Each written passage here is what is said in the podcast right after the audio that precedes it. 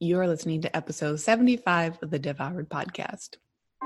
You're listening to the Devoured Podcast, where we believe that you are the powerful, peaceful, and capable person you know you are deep down inside.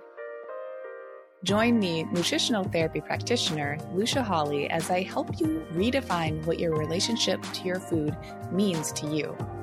Now is the best time to dive deep into how breaking the food rules serves you and your plate in your life.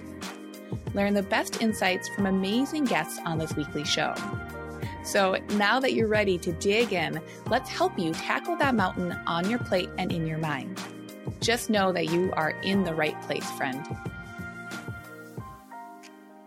Okay, boo boos. I'm just going to call you boo boos because I felt like it. Okay? Okay. We are on to episode 75, and I am continuing the theme about chatting around subjects that pertain to the holidays and how we navigate the holidays. How do we come to eating foods and the emotions of eating foods and the emotions of taking care of ourselves without feeling, actually, this is pretty fitting, without feeling devoured by the holiday season. So the subject for today is Is it really a new year, new you? Question mark? Is it really a new year, new you? Okay, so another theme as we've been exploring our relationships to the holidays, another theme to wellness and our culture is the idea of a new year, new you. And well, partially, this idea is super empowering, right? We have the idea of a fresh start, the clean slate to begin with new beginnings, right? A whole new year to be that much more of ourselves. I mean, how cool is that? That's actually a really, really empowering idea. But the thing is, and this is where I want to speak to in this short solo podcast today, is it isn't the new year that's giving. Okay? It's not the new year that's giving us anything, quite frankly. It's us we're giving ourselves choice and we're giving ourselves options. So when the new year, new you boat floats on by and you want to hop on board, well, do it. And if you don't want to hop on board, then don't. And that is exactly the point of it all. Okay? Because the new year, new you, first off, you're timeless. Okay? Like your body, your mind and your soul were all packaged together to work with each other radically. So, yes, throughout the years, your brain has new ideas. And throughout the years, your spirit evolves. And throughout the years, your body and its physical sense is aging. It's what we do. We have radical embodiment through all three of those. So, I think what can be very grounding when it comes to the holidays because the holiday season is a season where we're we're we are less embodied. We're less in our bodies. We're less on the ground. We're zipping around. We're thinking about money a lot. We're thinking about giving things to people or getting things from people. We're thinking about the work that perhaps isn't happening. Or if you work in sales if you work in selling for other people maybe this is a big season for you. Regardless we have these cultural themes like i was talking about last week on the wagon off the wagon we have these cultural themes that arise every time. It's always the same story. Maybe there's different nuance depending on who you are, where you're at in your life, what's happening. But in terms of being a culture, it's the same story every year.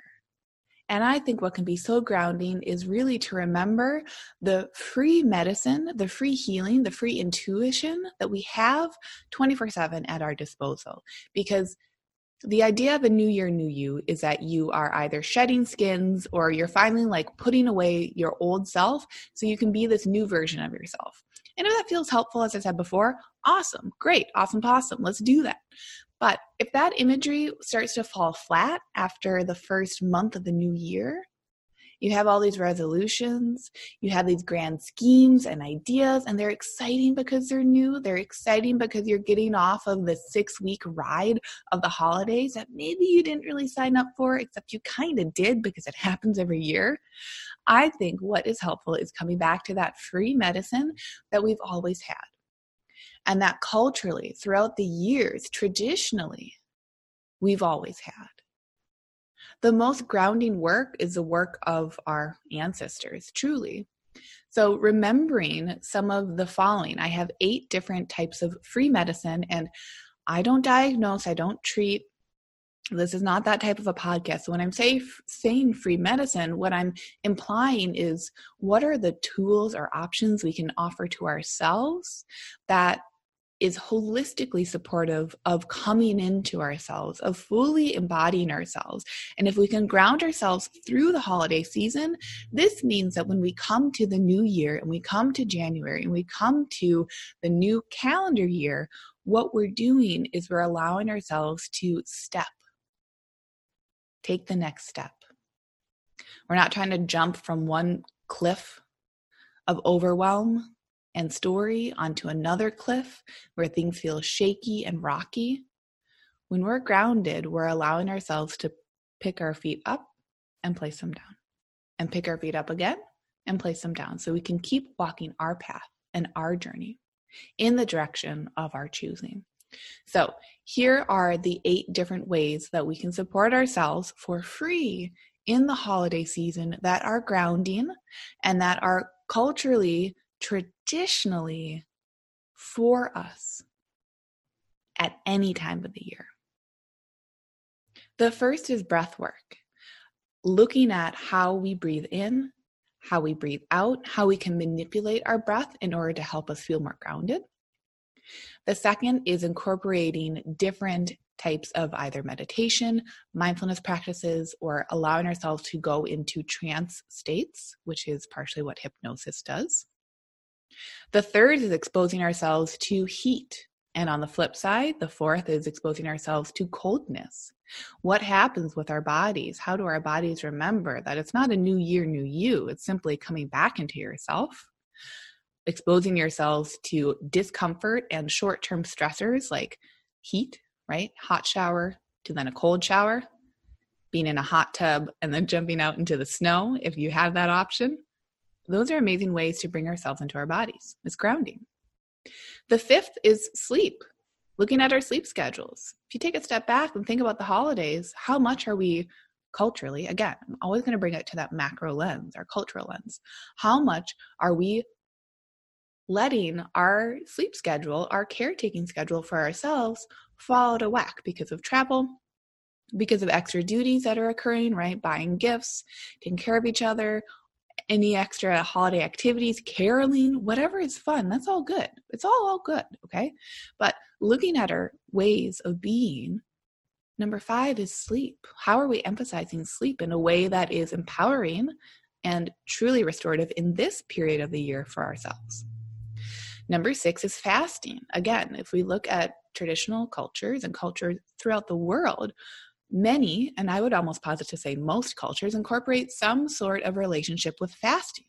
Now, the holidays are a time of feasting. Thanksgiving, big feast. Christmas, big feast. New Year's, big feast. Any other holiday parties or any holidays that you might celebrate that I didn't mention, for the most part, holidays and occasions of celebration incorporate feasting. And on the flip of that, then, is fasting.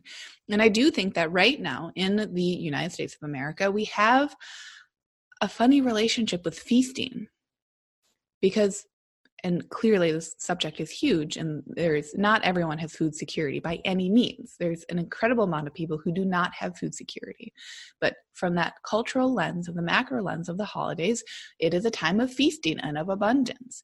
And if you place feasting on top of a nation that already feasts except we feast mindlessly we have access to high calorie, highly palatable foods, but we may not be as present with those foods because of what our cultures tell us throughout the year. Then, when we add on the next layer of not only do we have a low hum of feasting throughout the year, but then we add these big pings of true feasts during the holidays. I see this as an issue for a lot of people from an emotional standpoint because we don't have that relation with feasting. And on the flip, we don't have that comfort with fasting. We barely talk about the times when we're away from food. And if we do, we, we come into a scarcity mindset of saying, well, shoot, If I'm not eating, then I'm starving myself, right? And all the other issues that come along with the idea and areas around starvation and fasting. So that that's a, a subject for a whole other podcast, fasting and feasting. But in terms of the free medicine, just remembering that actually our relationship to food in a holiday season is shifted. And if we can simply acknowledge that, there's so much more that we can go into much more deeply without judgment. Seven for the free medicine is human connection. Now, that might feel triggering because for a lot of people during the holiday seasons, they feel more isolated or they feel like there's such an emphasis placed on connecting with others and that they're if they're not engaging with that, then they're missing out. And then they're missing out because they're isolated. And they're isolated because they're lonely. You're lonely because you're not worthy of whatever. Whatever it is, a lot of times if someone is feeling isolated and lonely, they have a story in their head about their victim relationship to their loneliness, loneliness and their lack of self worth. So, starting to come into a conversation and a relationship with the idea of human connection throughout the holidays is another form of free medicine. Humans evolved in community. Finally, the last free medicine is movement how your body is moving changes naturally throughout the holidays. Maybe you're more on the go. Maybe there's a big change in routine. And so you have fewer sessions in the gym.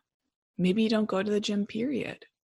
Maybe you're someone who loves to walk her dog, but it's dark at like three o'clock outside, and those dog walks are shorter or they don't happen as frequently. Maybe it's harder for you to wake up in the morning because of that darkness, and so your morning routine is shifted regardless of however you incorporate movement into your life, if you have a body that can move, movement is for you. Movement doesn't need to be prescriptive, it doesn't need to be descriptive in terms of how you move your body, but remember that the more movement you incorporate into your life, especially in times of stress, the more your body's going to know what to do with that movement. Okay, so let me reiterate and rehash the eight different types of free medicine that we all have 24 7 at our disposal. Number one, breath work. Number two, meditation slash mindfulness slash trance states. Number three, heat exposure. Number four, cold exposure. Number five, sleep. Number six, fasting. Number seven, human connection. And number eight, movement. So none of these begin nor end with the new year. So if you'd like to invite yourself into coming home, into your body, into a grounded sense with your body, into the grounded present moment of being with your body, this is a beautiful time. But the newness of the new year, new you, well, I'm here to say, I don't think it's anything new this year. And I think there's beauty in that. Thanks for listening to the Devoured Podcast. Jump into the show notes for this episode and all past episodes at devouredpodcast.com. And if you love the show, please take just two minutes out of your day today to leave a review. This helps us so much in spreading the word. Consider also sharing your favorite episode with a friend.